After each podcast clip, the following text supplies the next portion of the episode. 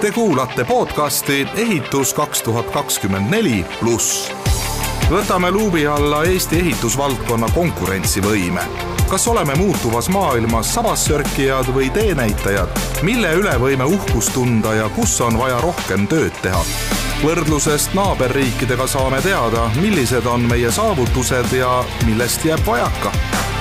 mina olen saatejuht Tanel Talve tere tulemast, head Delfi kuulajad, saatesarja, mis on pühendatud kahekümne üheksandal novembril Kultuurikatlas toimuvale suursündmusele konverents ja auhinnagala ehitus kaks tuhat kakskümmend neli pluss. Kannab äh, intrigeerivat pealkirja seekord Kas mängus või pingil. kokku tulevad ehitusettevõtjad, arhitektid, ehitusinsenerid ja tellijad, et pidada nõu ja teha otsuseid, mis määravad homse suuna kuidas paistavad konkurentsis Tallinn, Riia ja Vilnius, kas linna planeerimine Eestis vajaks selgemaid printsiipe, kuidas mängus püsida, kui mängu üldse ei tellitagi?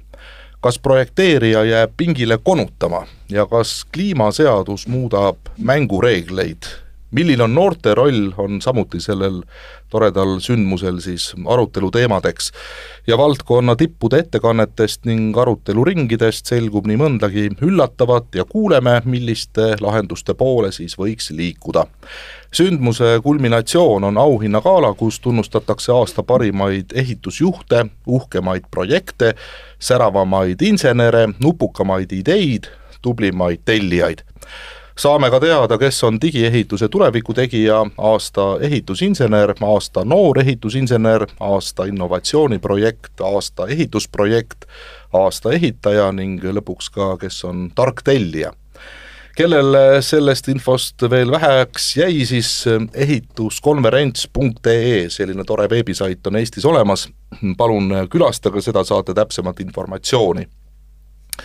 nüüd aga tänase konkreetse saate juurde, kus on meil toredad inimesed stuudiosse taas tulnud, digitaalehituse klastrist siis seekord ja Sille Pihlak, Kunstiakadeemia arhitektuuriteaduskonna dekaan, tervist! tervist! Ergo Pikas, Tallinna Tehnikaülikooli Ehituse ja Arhitektuuri Instituudi digiehituse abiprofessor. tervist! Anti Hamburg, Tallinna Tehnikakõrgkooli Ehitusinstituudi direktor, tervist! tervist! Rõõm teid siin näha, et äh, tänase saate äh, nii-öelda alapealkiri on äh, rohepööre ja digipööre, et, et ma alustaks kohe sellisest noh, intrigeerivast küsimusest, et kas me tõesti peame kogu aeg pöörama kuhugi. et hästi palju räägitakse nüüd noh, mõlemast pöördest kui nagu täiesti totaalsest, ma ei tea, maailma muutvast, ümber pahupidi keeravast asjast, et kas see veidi hirmutav ei ole, et, et kuidas see teie vaatevinklist võib tunduda?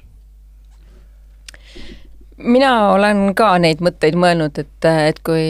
nii palju pöörata, siis hakkab äh, pea ringi käima, aga tegelikult ma usun, et kui me selle digipöördega teeme seda, seda, pöörame teise suuna ja siis, siis teed veel sada kaheksakümmend kraadi, siis lõpuks oled, vaatad ikka samasse suunda, ehk siis tegelikult me peame ikkagi edasi minema nii ehituse kui, kui ka äh, taristu või kogu selle tehis, tehismaailma loomisega, et noh, et selles mõttes ma arvan, me ei pea täiesti teist suunda pöörama, aga meil peaks olema see nii-öelda see täisring tehtud, kus, kus äh, see siht oleks silmes ja arusaamad äh, juurde tulnud, et, et ehitame edasi, aga ehitame nüüd palju targemalt ja jätkusuutlikumalt. kas me oleme nüüd juba teinud seda ka või täna alles räägime, et võiks hakata kunagi tegema? Äh, mina usun, et me oleme teinud väga suuri samme selle suunas äh, ja, ja ma vaatan ka ootusärevalt Kliimaministeeriumi poole, et, et ka sealt võiks hakata tulema asju. Aga mis minul on veel puudu või millest ma tahaksin, et rohkem räägitakse, on just see innovatsiooni komponent ja et meil oleks rohkem teaduspõhist või teadmistepõhist või sellist teadmussiiret siis ülikoolidest välja päris ehitusmaastikule. Et asjad ei jääks ainult prototüüpideks või demonstraatoriteks, siis ma arvan, et see osa on puudu, et tihedam koostöö ülikoolidega. Ja, ja siis äh, me saame päriselt teha ka neid innovatsioonihüppeid, mitte ei tegele ainult nende päiksepaneelide kleepekaid äh, majadele peale panemast, et äh, või, või, või ütlemaks, et see buss on roheline, vaid et me päriselt ka te-, te-, tegeleme innovatsiooni sisseviimisega siis, et saada rohelisemaks ja et saada siis digitaalsemaks. kas täna siis ei toimu see koostöö nii palju, kui ta võiks toimuda? ma arvan, see võiks olla palju-palju suurem, Äh, ma ise kasutan sellist terminit, et äh, või noh, metafoori, et et kui ülikoolid või tähendab, kui Eesti riik peab äh, praegu tegema nii rohetrepil kui innovatsioonitrepil astmeid ülesse ja me peame päris palju liikuma seda trepi mööda kõrgemale, siis akadeemia on see käsipuu, mis aitab meil neid samme teha, mis toetab selle, nende sammude tegemiseks. ja ma arvan, et hetkel ei hoita sellest käsipuust kinni, aga see saaks olla palju stabiilsem ülesminek ja palju teadlikum oli äsja siinsamas stuudios äh, Ehitusettevõtjate Liidu äh, inimesed ja, ja nemad küll kiitsid, et kui suurte sammudega on läinud ehitussektoris innovatsioon edasi viimaste aastate jooksul ja et see on nagu öö ja päev, võrreldes varasemaga, aga ma saan aru, et siin on veel ruumi minna. jah, kindlasti. jah, absoluutselt ja ma korraks tuleks selle sinu esimese küsimuse juurde ka tagasi, et ma ei laseks ennast väga hirmutada nendest loosunglikest sõnadest nagu rohepööre ja digipööre, et et Eesti, põline Eesti inimene on ikka olnud alati seda meelt, et kui saab teha asja säästlikumalt ja mõistlikumalt, siis ta ikkagi nagu üritab neid ikkagi oma nagu igapäevategemistes nagu teha ja toimetada.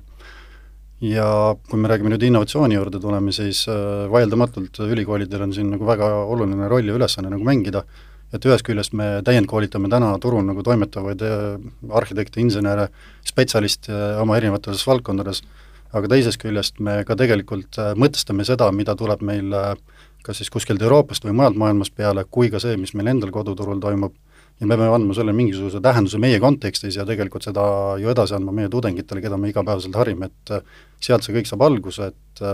et, et kui kuskil mujal mitte, et siis vähemalt siin me peame nendele küsimustele mõtlema, jah jah, ma tuleksin ka täiesti alguse juurde tagasi, et et miks me nimetame seda rohe- ja digipöördeks. et võib-olla on see, on hea nii-öelda tähelepanu juhtimine, et seda rohkem teadu-, teadvustatakse. et meil nii-öelda järk-järgult me tegeleme siis ülikoolides, kõrgkoolides tegeleme nende teemadega,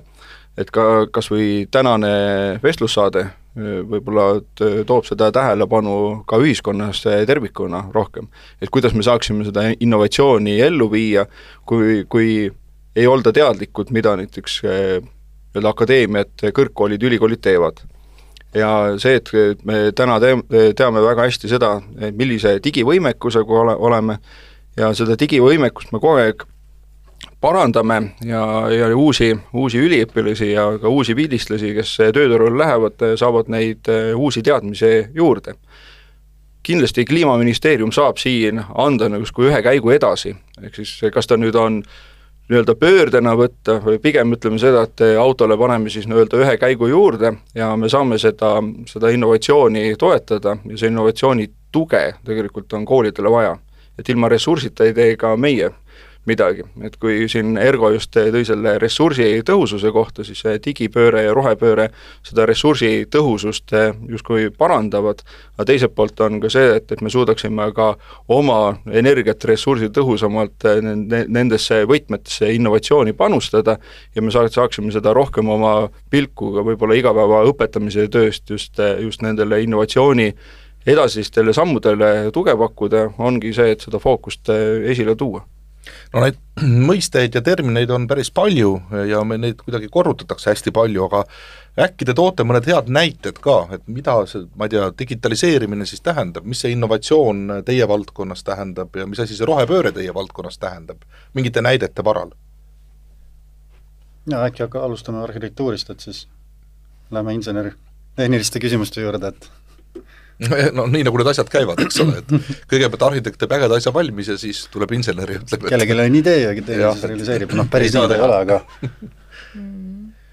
no. No neid on nõnda, nõnda palju, mõtlengi, et kust, noh, et inimestel tekiks natukese selline ettekujutus, et, et millest me siis räägime, et kes ei ole võib-olla veel väga kokku puutunud ka teie koolidega, teie no, akadeemiaga, et, et mis see no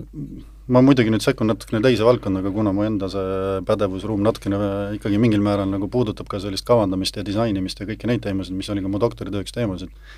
siis äh, siin on nagu mitmel levelil ja tasemel, et me peame ju seda ühisloome loomist nagu vaatama riigi tasemel, see on nagu üks küsimus. et kas ja kuidas ja mismoodi säästlikumalt me saaksime seda siin äh, kavandada korraldada, inimeste eluruumi kvaliteeti parandada, kõike seda, sama küsimus kehtib ka tegelikult linna tasemel ja naabruskonna tasemel et, et ka kõigis nendes uutes poliitikates ja, ja uutes ka direktiivides, mis on tulemas, et üha rohkem just rõhutatakse seda, et me peame ära liikuma võib-olla selliselt ühe hoone keskselt mõtlemiselt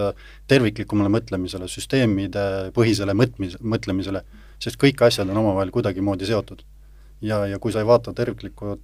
terviklikult seda asja, siis sa võidki nagu sattuda sellesse, et sa lokaalselt optimeerid võib-olla mingisugust väikest tükikest, aga suures pildis sa tegelikult midagi ei muuda, et et seda on ka tegelikult aastaid nagu ütleme, kui me räägime sellest energiatõusust, siis see on üks asi võib-olla, mida nagu on äh, suures pildis nagu kritiseeritud sellise vanema niisuguse nagu traditsioonilise energiatõusu vaatest, et me oleme keskendunud nagu hoonete äh, küll nagu energiatõusude kasvatamisele, aga suures pildis me tegelikult ei muuda kurssi. me lihtsalt aeglustame seda liikumist sinna kuristiku poole nii et see innovatsioon ei pruugi tähendada tingimata mingit tehnilist innovatsiooni üldse, vaid isegi uutmoodi mõtlemist mm. -hmm. aga ma just sellepärast äh, jäingi natuke lukku, et, et, et, et kui rääkida nagu innovatsioonist kui sellisest, et noh, et, et ongi siis protsessi innovatsioonid, siis on tööriistade osas on innovatsioon ja nii edasi, et, et et nad kõik jah, kindlasti tegelevad sellega, et luua eelkõige ikkagi mitmekesist ja ja terviklikku ruumikultuuri, äh, et see elukeskkond, mis me meil on, oleks, oleks tõesti seda kõike väärt ja ja et me ei kordaks neid samu vigu, mis, mis sai tehtud. Ja nüüd tänu sellele, et, et meil on siis ka digitaalsed tööriistad, meil on äh, digikaksikutest riigi tasemel kuni siis äh, kõige väiksemate hoonete BIM-mudeliteni, et, et, et selline äh, tarkvara võimaldab meid palju äh, suuremat kogust andmeid äh, siis äh, omavahel võrrelda või koos toimima panna. ja, ja üks teema, milles, millega mina oma doktoritöös tegelesin, oligi just see, et, et, et kuidas seda ahelat, et kuidas panna inimesi rohkem koostööd tegema ja, ja et siis selline parameetrilised mudelid või noh platvormid, kus siis nii insenerid kui ka ehitajad kui ka äh, arhitektid saaksid oma mingisugused parameetrid sinna sisse panna, et need, need on need, et me me ei räägigi enam siis konkreetsete terminitest, peab olema nii kõrge või äh, või nii lai, vaid et peaks olema sellistes raamides umbes. ja, ja siis me saame läbi nende parameetriliste mudelite jõua, jõuda ka sellise pideva äh, keskusteni, no vestluseni, et, et me, meil oleks kogu aeg üksteise arusaamad äh, koos. ja ma arvan, et see innovatsioon just ka selles, et, et kuidas me omavahel suhtleme üldse, kuidas erineva valdkonna inimesed äh, saavad infot edastada ja et, et see ei ole enam selline äh, Äh, lineaarne napkin sketšist 3D äh, mudelini ja siis jõuab insenerini ja nii edasi, et ma arvan, et see on noh, see on, need ongi need kõige suuremad vead, mis on, mis on tegelikult tehtud. et, et, et see on narratiivne protsess olnud ja ma arvan, et nüüd see koostöövõimalus, mida siis äh, see pro-, protsessi innovatsioon ja, ja siis integreeritud disaini tööriistad võimaldavad, ongi, ongi tihedam koostöö koostöö, et jõuda parema lõpptulemuseni ja võib-olla ühte asja täpsustaks, et, et kui me räägime innovatsioonist, et siis innovatsioon ei tähenda pelgalt seda, et me kavandame või loome uue mingisuguse protsessi või vahendi mingisuguse asja tegemiseks efektiivsemalt, tõhusamalt, mis iganes, aga tegelikult ka nagu paradigma nihe või ütleme, inimeste mõtle, mõttemallide muutmine ühes või teises suunas võib olla ka innovatsioon, et ma toon niisuguse nagu paralleelse näite, et just hiljuti sattusin tegema samuti artiklit nagu koostööst ja äh, ja seal vaadeldi seda, et kui on olnud meil need erinevad tööstusrevolutsioonid, et, et, et missugust mõju ja kasu nad on ühiskonnas kaasa toonud, ja seal tuli nagu üheselt välja see, et et mitte ükski innovatsioon, tehnoloogia, on see elektrifitseerimine, on see aurumasinatele üleminek, üksinda ei ole kunagi seda innovatsiooni toonud. vaid pigem see, et see tehnoloogia on pandud uutesse organisatsioonses, organisatsiooni struktuuridesse, viisidesse, kuidas inimesed neid asju kasutavad, ehk siis see innovatsioon peab käima alati koos selle organisatsiooni arendamise ja arenguga. ja sellega, kuidas inimesed selles mõtlevad ja kuidas hakkavad seda uut tehnoloogiat tarbima, on ju jah, tuli kohe see ressursitõhususe teema siit esile, et kui me vaatame seda digi- ja rohepööret ja proovime kuidagi lihtsale inimestele selgitada, et, et mis see digi- ja rohepööre on, siis me nagu eelkõige räägime ressursitõhususest ja sellest samast mõtte, mõttemalli muutusest. ja see, et missugused tööriistad me, meile antakse, siis on see, et muidugi insener hakkab kohe mõtlema nii-öelda tööriista keskselt, kas me räägime nüüd ehitusinfo modelleerimisest ja nendest tööriistadest või hakkame rääkima programmidest, siis tegelikult see, see on see, see on see, millega me saame neid ideid rea-, realiseerida aga, kogu see innovatsioon peitub sellest, et kuidas me seda, seda protsessi nii-öelda koordineerime ja kuidas me nii-öelda stardime nii, et arhitektid ja insenerid oleksid eh, samas, samas inforuumis sees, linnaplaneerijad, eh, ka kohalikud omavalitsused oleks sel-, selle sees. ja nii nagu ongi, see digikaksik on juba, juba päris hea nagu alus selleks, et meil on sarna, sarnases inforuumis oleme sees et rääk-, siin eelkõnelejad rääkisid ka, mida nemad oma doktoritöös analüüsisid, siis minu, minu doktoritöö fookus oli selgelt seda, et miks siis arvutatud energiatõhusus ei realiseeru. et seal ei ole ka ainult sellest, et, et keegi ei oska arvutada või siis need äh, lahendused, mida kasutatakse, ei tööta, tegelikult tuleb välja, et et seal on kõikide osapoolte koostöö ja kõik on see, et mis on nii-öelda seatud eesmärk, kas nii-öelda eesmärk on realistlik, kas eesmärk, eesmärgil on seatud nii-öelda ka selged ootused, et kas see nii-öelda see üksik inimene, kes selles näiteks korterelamus elab, kas tema, tema üldse on selles inforuumis sees, et mis selle eesmärk on, et eesmärk ei ole energiatõhus, tõhusus, vaid eesmärgiks on hoopis seda, et, et me oleksime, kasutaksime neid ressursse säästlikumalt ja et me jõuaksime sellise hea sisekliimaga mõistlike nii-öelda kommunaalkulude hooneni ja mis, mida siis inimesed ise välja tõid, et ka see, et see ilme, välisilme hoonel peab paranema. et see ei ole mitte see, et, et me vaatame energiatõhusust, et see energiatõhusus on üks hea, hea nii-öelda väike, väike, väike osa ainult sellest, et milleni me tegelikult välja tahaksime jõuda. et see kõik, kõik on üks, üks komplekt. jah, see tundub nagu keeruline, aga kui sa hakkad nagu hästi lihtsal nagu elementaarsel tasemel nendele, mis on need baasasjad seal, ütleme, kui me räägime rohepöördest, et et, et oma olemuselt on tegelikult hästi lihtne, et see üks mõte on see, et me peame äh, vähendama igasugust ebavajalikku tarbimist. see on, see on nagu see, nagu üks, üks nagu pool. ja teine pool on see, et selles nagu tarbimise vähendamist väga suurt rolli mängib tegelikult inimeste käitumine. ehk siis inimeste mõttemall ja käitumine peab ka muutuma vastavalt ja, ja ma arvan, et suures pildis sellest kahest asjast hakkab pihta ja vastavalt sellele siis me hakkame ka teistes, kõikides sellega seonduvates valdkondades muudatusi läbi viima. aga kas teie valdkonnas tehtavad muudatused äh, saavad äh, aidata kaasa siis muutustele inimeste peades, et äh, tarbi vähem ja, ja nii edasi, et kas teie ka kuidagi mõjutate seda ühiskondlikku hoiakut ja neid, neid arvamusi ja seisukohti? jah, ma arvan, et see on üks, üks olulisemaid eesmärke arhitektidel, et olla nagu võimelised kommunikeerima neid visiooni, mõtteid ja ka siis äh, lahendusi, ehk siis see visualiseerimine, et, et milline see tulemus saab olema või, või ka analüüsid sellele, et, et, et see on üks, üks selline noh, meie jaoks väga oluline tööriist, et et need erinevad maailmad omavahel ära sillata on ja jõuda siis selle tavainimeseni. eelmine nädal oli just äh, kohtumine selle Euroopa Bauhausi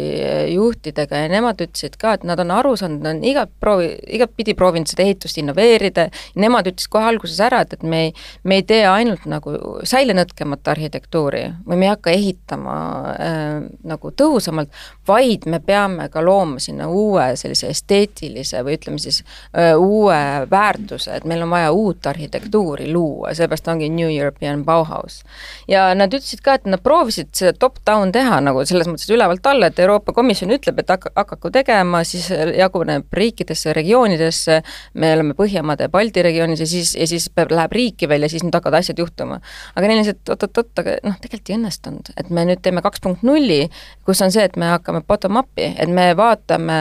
tegelikult selle kogukonnapõhiselt neid lahendusi ja ainult otsimegi nagu noh, eelmainitud ka, et, et, et et mis see naabruskond on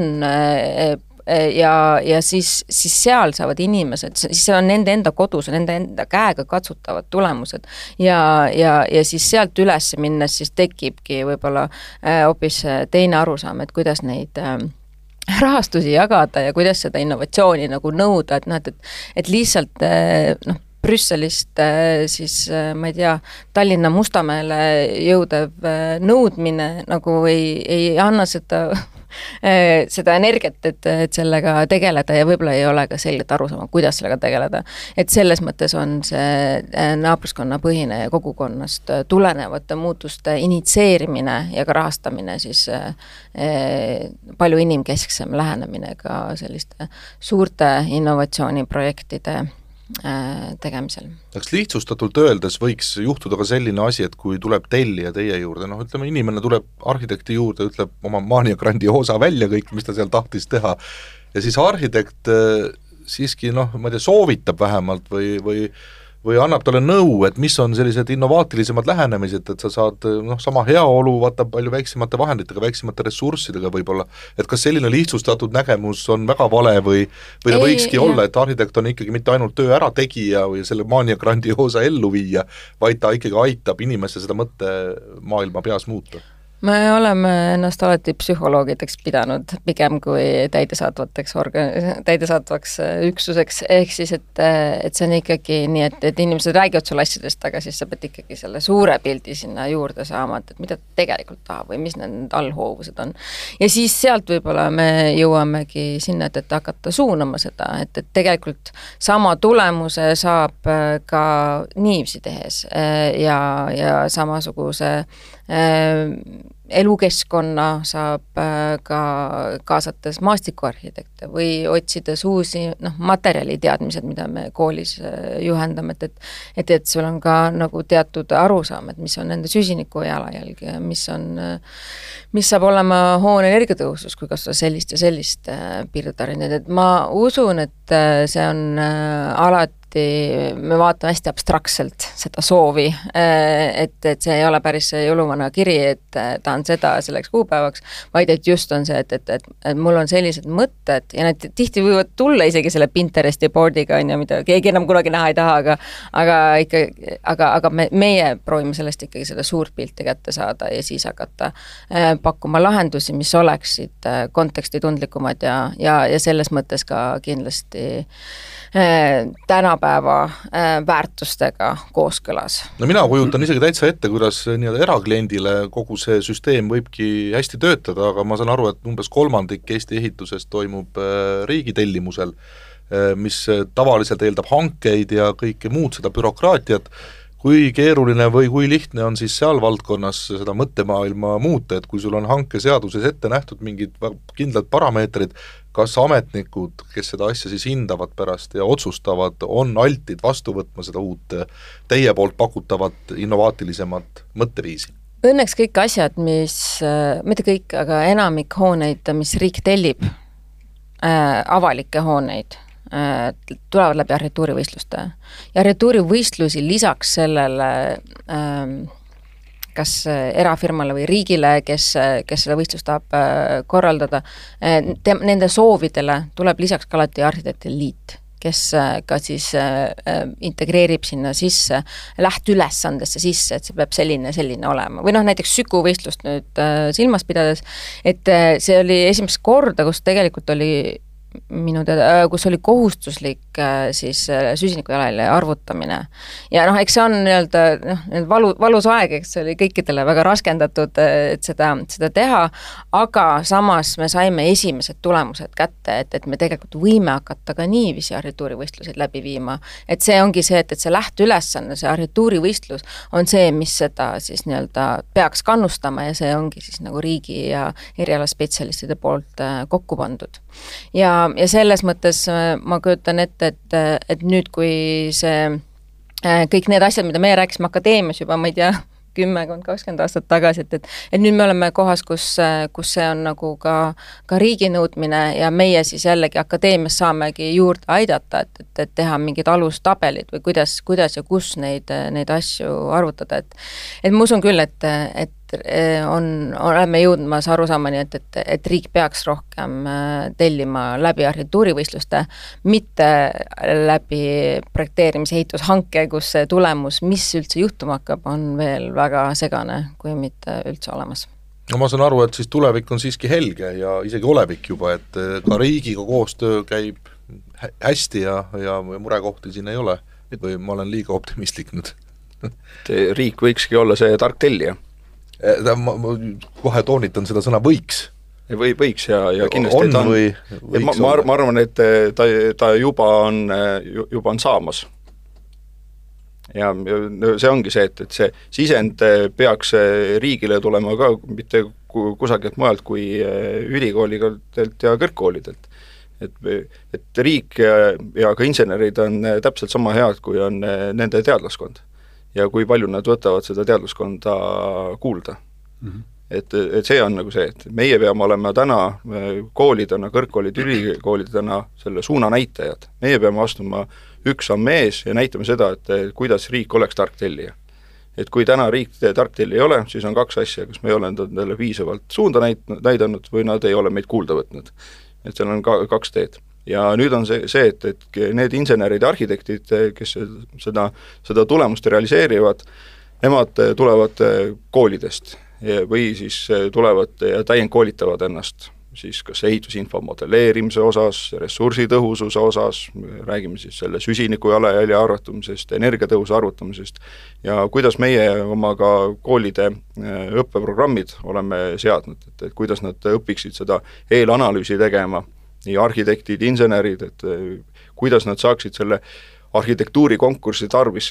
kas või sellise eelanalüüsi teha, et mida, mida saaks siis hinnata, et, et kui ressursitõhus või kui roheline see hoone, hoone saab olema.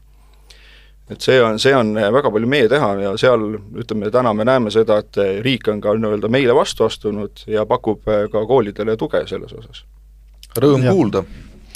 ma võib-olla tuleks jah, selle juurde, ma tahaks mõnda võib-olla teemat nagu täpsustada, et äh, sageli räägitakse sellest, et riik ja, ja mingisugune müstiline abstraktne olend, riik on kuskil olemas. aga riik ei ole mitte midagi muud kui meie, need inimesed, kes me siin elame, need inimesed, kes erinevates valdkonnas toimetavad, et meie oleme riik, mitte ei ole mingisugune abstraktne asi kuskil eraldiseisev asi. ja see, seda ma rõhutan sellepärast, et, äh, et eks ta peab olema nagu sümbioosis kõigi osapoolte vahel, et see arutelu tuleb pidada ühiskonnas maha, et mida ja mismoodi me asju soovime ühiskonnas äh, teha ja loomulikult on ülikoolidel siin nagu selline eesrindlik roll selles, selles osas, on ju. et, ja kui ma tulen nüüd selle riigihangete juurde, see on nagu selline stamp, stamp nagu teema, et äh, riigihanke seadus kuidagi ütleb ette või piirab seda, et mismoodi asju peaks tegema. täna ei ole mitte ühtegi piirangut selles mõttes, mitte keegi ei keela teha väärtuspõhiseid hankeid, mitte keegi ei keela sul keerutada sisse kriteeriume, mis on pigem nagu keskkonnasäästlikumad, rõhutakse digipööret, kõiki selliseid asju pigem saab ikkagi nagu inimeste taha, tänaste harjumuste, mõttemallide, laadide taha ja ka tegelikult kuni sinnamaani välja, et on äh, juriidikas on teatud mingisugused raamistikud paika loksunud ja nüüd ei juleta seda nagu järgmist sammu teha, sellepärast et sa lood pretsedendi, mis võib viia mingisuguste probleemideni. kas see raha taha ei jää, et noh, kuidagi levinud äh, arvamus, ma ei tea, on see väär või ei ole, et küsingi, et kas selline rohelisem ja digitaliseeritum ehitusviis aga, on kallim aga aeg ja raha on aeg ja raha on prioriteedid et need on tegelikult, see on meie otsus, et kuhu ja millisesse kriteeriumisse me rohkem raha suuname. ma ütlen, et äh, siiamaani on võib-olla, kui me mõtleme hästi lihtsalt nüüd ütleme ühe hoone tasemel, sa tõid näite, et äh, millist rolli arhitekt võiks mängida, minu meelest äh, arhitekti ja inseneri roll võikski olla see niinimetatud New Bauhaus ehk siis uus kvaliteet, mina nimetan seda uus kvaliteet. et me tahame ühiskonnas Euroopas teha nagu läbi hüppe, arenguhüppe nagu selles, et kuidas me siiamaani oleme oma eluruumi kavandanud ja kujundanud ja teha nüüd äh, hüpe läbi selles mõttes, et mis on see uus kvaliteet, kvaliteet kaks punkt null. ja arhitekt võib ollagi see mõttemaailma või mõttelaadi vahendaja, et näed, et vanasti sa ajasid taga seda ruutmeetrit, et mida suurem, seda uhkem, aga täna saab tegelikult needsamad asjad, väärtused, vajadused saab rahuldatud palju mõistlikumalt ja keskkonnasäästlikumalt. ja vaata, et palju ägedamalt isegi. ja isegi palju ägedamalt, jah. et eesmärk ei tohiks olla ruutmeeter, vaid see väärtuspakkumine, mis siis sellest arendatud, kujundatud asjast tekib, on ju ja, ja sealhulgas ka nii-öelda ehitiste elukaare optimeerimine. et, et me me ei vaata nii-öelda ainult seda investeeringut, vaid me vaatame kogu seda kasutusaega ka sealjuures. ja kuni sinnamaani, kas hoone läheb lammutamisele, et mi-, ku-, kuidas me seda, neid ehitusmaterjale utiliseerime, et see käib ka kõik selle juurde. noh, kohe selline intrigeeriv küsimus jälle, et palju on räägitud, eriti viimasel ajal tehnika vidinatest, millesse ollagi sisse programmeeritud teatud äh, kasutusiga, et saabki otsa, pead uue ostma. huvitav, kas ehituses ei ole nii, et hoitakse tööd, et vanasti pidi ikka tare sada aastat püsima, eks ole, aga äkki nüüd noh, ongi nii, et äkki insener tahab vastata sellele ma ei sest ei meie..., esiteks mul ei ole muidugi tõendeid selle kohta, et see ka tegelikult digi nende telefonide puhul, mida, mille puhul on nagu seda nagu väidetud ja argumenteeritud, mul ei ole mingisugust tõenduspõhisest nagu, et öelda, et see nii on, et et noh, üldiselt nii räägitakse, tundub jälle mingisugune ühiskondlik stereotüüp, aga insener-tehnilise seisukoha pealt ma ütlen küll, et ei ole kindlasti kellelgi otsest kavatsust või eesmärki nagu seda teha, aga teisest küljest ma ütlen ka, et see, kogu see uus äh, kvaliteetse poliitika, mida praegu kujundatakse, et üha rohkem äh, tegelikult soodustatakse seda, et et kui sa oled juba midagi endale hankinud, midagi ta-, midagi nagu tarbitavat, et siis ürita seda hank-, tarbida nii kaua kui vähegi võimalik. sa ei pea iga kolme aasta tagant uue kaskoga autot võtma mina näiteks sõidan siiamaani seitsme aastat vana autoga, mulle väga sobib. loomulikult oleks tore ilus uus auto, aga kas on nagu sellel nagu eesmärk, et ma arvan ka, et, et üldiselt see vastus on ikkagi, et ei, et meie ei saa projekteerida hooneid, taristut või midagi muud äh, sellise tähtajaga, et äh, siis, siis peale seda võib kokku kukkuda. Ehm, et, et vast-, vastupidi, et see, me ikkagi loome hooneid äh, kui öeldakse, et äh, loome hooneid ja neid pikaks ajaks, või kui nad ongi näiteks modulaarsed, paneelipõhised need saab ümber võt-, äh, lahti võtta, ümber kohandada, et see on ka täiesti uus eksisteeriv arusaam, et siis ongi jah, et, et, et see on ajutine struktuur seal kolm aastat, äh, võtame lahti ja paneme teises kohas kokku. et noh, et, et, et ka praegu on näiteks Lasnamäe see kunstipaviljon, roosa sõõrikulaadne toode seal, et et nemad on väga teadlikult teinud selle otsuse, et, et see on äh, paneel, paneelidest äh, kokku pandud, äh, kergkonstruktsioon, lihtsasti lahtivõetav ja võimalik paigutada teise kohta. loodame, et seda muidugi ei ole vaja, sest et see sobib ka sinna väga hästi ja võiks ka sinna pikemaks jääda, aga sama, samal süsteemil saab luua veel lahendusi. Ja kui, kui tänapäeval öeldakse, et, et miks me seda puiduga peame ehitama, et see ju ei kesta, et, et hakkame siis ikkagi nüüd betoonmaju valama, et siis kestab kauem, siis noh, ma äh, siiralt usungi, et, et me, et see paindlikkus peab ka sinna sisse olema projekteeritud ja ja see, et me saame puitu täna palju targemalt ja paremini kaitsta äh, kui kunagi varem äh,, me ei pea noh, need, see tuleohutus äh,, mis siis niiskus ja, ja kõik muud hädad, mis seal vanade puitmajades elajad, elavatel inimestel on südamelähedane, siis, siis või mureks, et see, see on tegelikult ju noh, märgatavad suuremad sammud äh, edasi teinud ja, ja me oskame seda paremini kaitsta ja, ja kui Ruhnu kirik on siin juba sajandeid ja sajandeid vastu pidanud, et siis äh, küll me saame ka selle uue puitmaja vastu pidama, aga, aga oluline on ka see mõttemall, et, et need hooned, nende hoonetesse saab sisse panna ka mingit teatud paindlikkust. et, et jah, me täna ei suuda ette mõelda, et äh, nii, nagu me kunagi projekteerisime mõisasid, on ju, et, et mis, mis me siis nüüd äh, kolm sajandit hiljem nende mõisatega teeme. Ja noh, ongi, ongi raskusi, vaata kui palju erinevaid programme ja funktsioone seal on, seal nende paari sajandi sees see nagu äh, juurde pandud ja seal kohandatud, aga et, et aga me võime ka rääkida hoonetest, mis saavad kasvada, kasvada koos seal, seal elava perega või, või siis või ka kahaneda. jah, täpselt, ka kahaneda. et see on üks näiteks kortermaja projekt, mida me praegu projekteerime Eesti Kunstiakadeemia siis puitarhitektuuri kompetentsikeskuses, et ongi CLT-st kortermaja, CLT on siis riskist limpuitplaat, igaks juhuks ütlen. väga hea et, et, et kus tegelikult on ka need vaheseinad on liigutatavad, et sa tegel-, noh, et see on selline radiaalse, või ütleme siis spiraalselt üles ehitatud maja, aga sa saad neid vaheseinu liigutada, et kui sul ongi nagu selle asemel, et, et siis välja kolida kalamajast, kui sa oled, näiteks lapsed on perest ähm, ära läinud, et siis sa saad tegelikult endale selle korteri koomale tõmmata ja, ja anda siis äh, kas naabrile või kellelegi muule juurde juurde. et noh, et, et, me proovime otsida seda paindlikkust, mis võimaldab see uue materjali ehitusväljale tulek või noh, uus siis nii-öelda taasavastatud uus, ehk siis puid, puit siis ehituses. no tegelikult on teie valdkonnas, ma kujutan ette, see innovatsioon olnud juba ka päris ikkagi jõuline ja, ja tõesti neid nutikaid lahendusi Äh, mitte ju ainult siis tehnoloogias, eks ole, vaid seesama, et sa mõtled hoopis teistmoodi, et noh see, et äh, saab korterit äh, kahandada ja kasvatada vastavalt vajadusele, ei ole ju võib-olla isegi niivõrd insener-tehniline probleem, kuivõrd see mõi-, mõistuses kinni asi, et noh, kes sul ennegi keelas võib-olla seda sama mõtet rakendamast, aga no ei tulnud selle pealegi, eks ole, et mul on selles mõttes hästi hea meel, et seda mõtteviisi on hakatud ka omaks võtma, minu meelest vähemalt mm., klientide poolt ka, aga no vaieldamatult see kõik see digitaliseerimine, digitaliseerimine, see rohepööre, millest me palju räägime, eks ta ikkagi nõuab ju inimestelt ja kõikidelt osapooltelt äh, suuremat haritust selles valdkonnas. Äh, ma ei kujuta ette, kuidas teie koolide õppejõud üldse vastu peavad sellele meeletule kiirusele, millega ikkagi ju maailm muutub viimasel ajal, et, et kas on nad, äh, jaksavad seda, seda kõike omandada ja ka edasi anda siis jälle omakorda? nii nagu ühiskonnas üldiselt on äh, väljakutsed igasuguste muutuste ees, on äh, ka ülikoolis täpselt sama, et äh, ikkagi, kui on äh, mingid uued äh, asjad tulemas, leidub inimesi, kes on konservatiivsed, kes on neutraalsed ja kes töötavad loomulikult uutele asjadele vastu ja see on, ma arvan, et on tegelikult tervitatav, et kõigil nendel on oma roll selles sotsiaalses äh, protsessis, kus me tegelikult kõik koos osaleme ja ja läbi selle tegelikult äh, nii pooltargumentide kui ka vastandargumentide me tegelikult lõiga, leiamegi selle õige tee, on ju et kui me mõtleme ju tegelikult sellele, et kuidas nagu ja miks üldse teadus toimib ja töötab, ongi läbi selle, et meil on ju, esitame oma ideid ja teised siis äh, vaatavad ja hindavad neid argumente ja esitavad oma vastuargumendid. ja läbi sellise argumenteerimise me jõuame tegelikult sellise võib-olla keskteeni,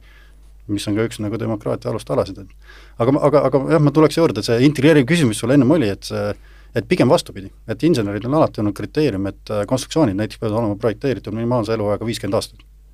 Aga loomulikult ka pikemalt kestavad nad, aga võib-olla nüüd ongi, et me toome lihtsalt siia selle uue nüansi juurde, et et me ei mõtle ainult sellele, et me ehitame lokaalselt, paikselt valmis mingisuguse asja, ta täidab seda kasutusotstarbet viiskümmend aastat ja peale seda me lammutame ja need jäätmed siis äh, viime nagu prügimäära. Et toome nagu juurde selle, selle nagu kriteeriumi või selle vaate, et et kui me nüüd äh, eluiga saab läbi, et kuidas me siis saaksime võtta need materjalid, need komponendid, elemendid ja võtta, viia, panna uude, uude konteksti mingit uus, uut eesmärgi täitma ja, ja see on see võib-olla see eeldatav mõttemuutus, jah. ja ma jäin kohe, ma mõtlema seda, et toonitatakse nii-öelda ka piirete ehk siis välisseinte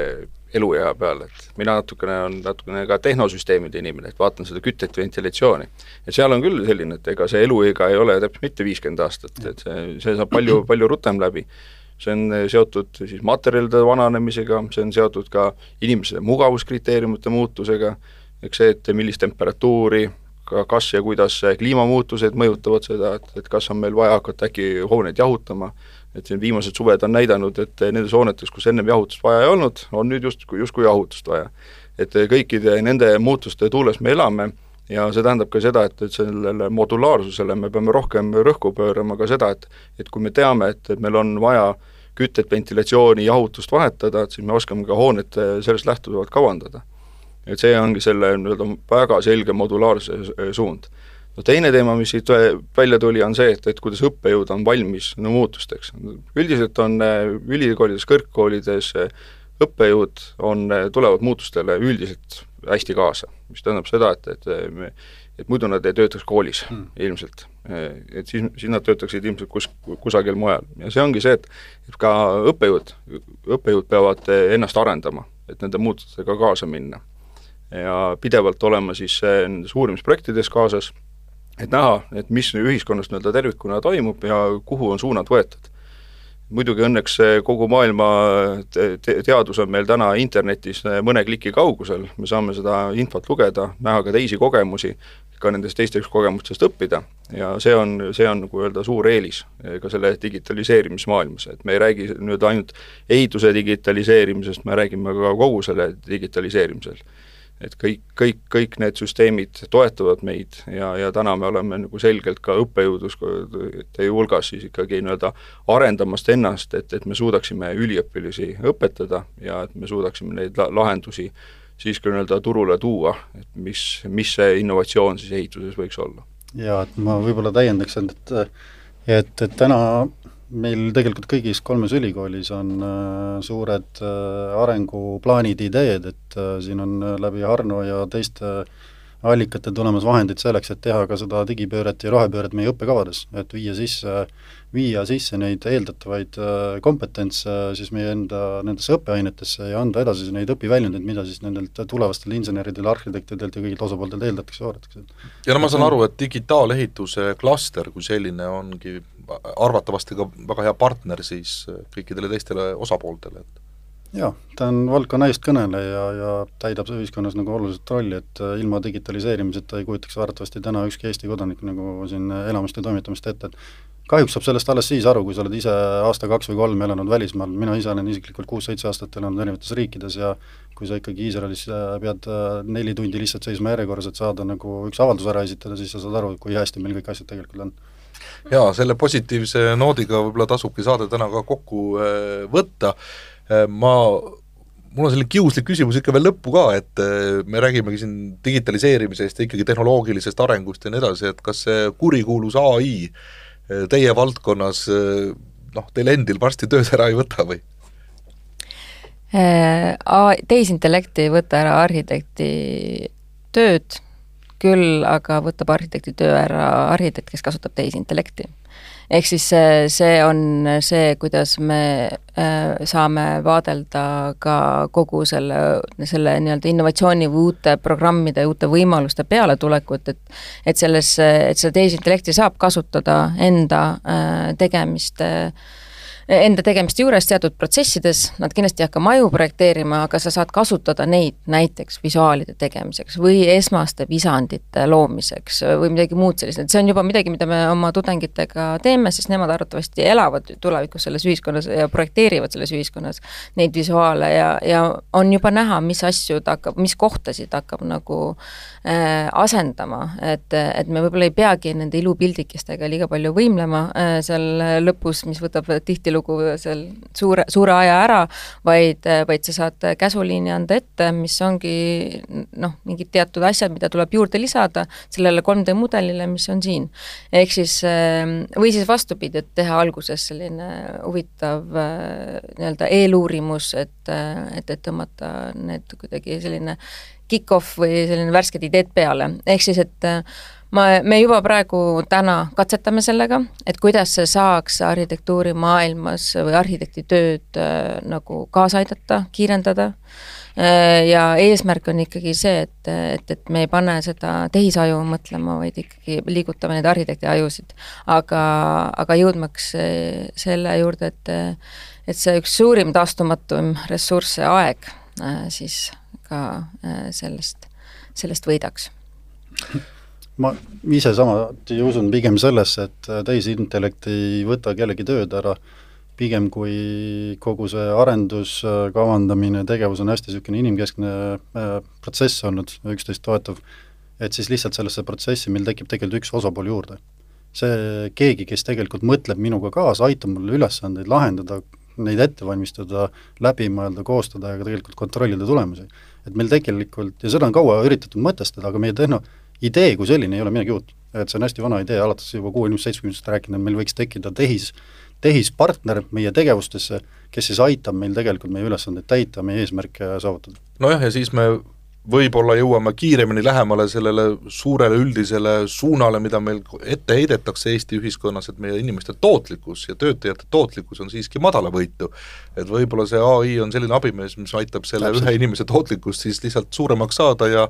on tegelikult kõik äh, jätkuvalt Täpselt. hästi, et inimesed ei pea kartma, et nad homme töötuks jäävad mm -hmm. teatud valdkondades selle suure kiire arengu tulemusena. head sõbrad, teiega oli väga põnev ja see äh, saateaeg lendas linnutiivul ja ma usun, et meil oleks rääkida veel palju, aga me saame seda ehk teha veel mõnes teises järgmises saates. tänane saade on siiski otsa saanud, aitäh Sille Pihlak Kunstiakadeemiast, Ergo Pikast Tallinna Tehnikaülikoolist ja Anti Hamburg, kes on siis Tallinna Tehnika Kõrgkoolist, tulemast siia saatesse ja natukese nendel teemadel arutlemast, soovin teile edu ja kõikidele kuulajatele kena päeva jätku! ehitus kaks tuhat kakskümmend neli pluss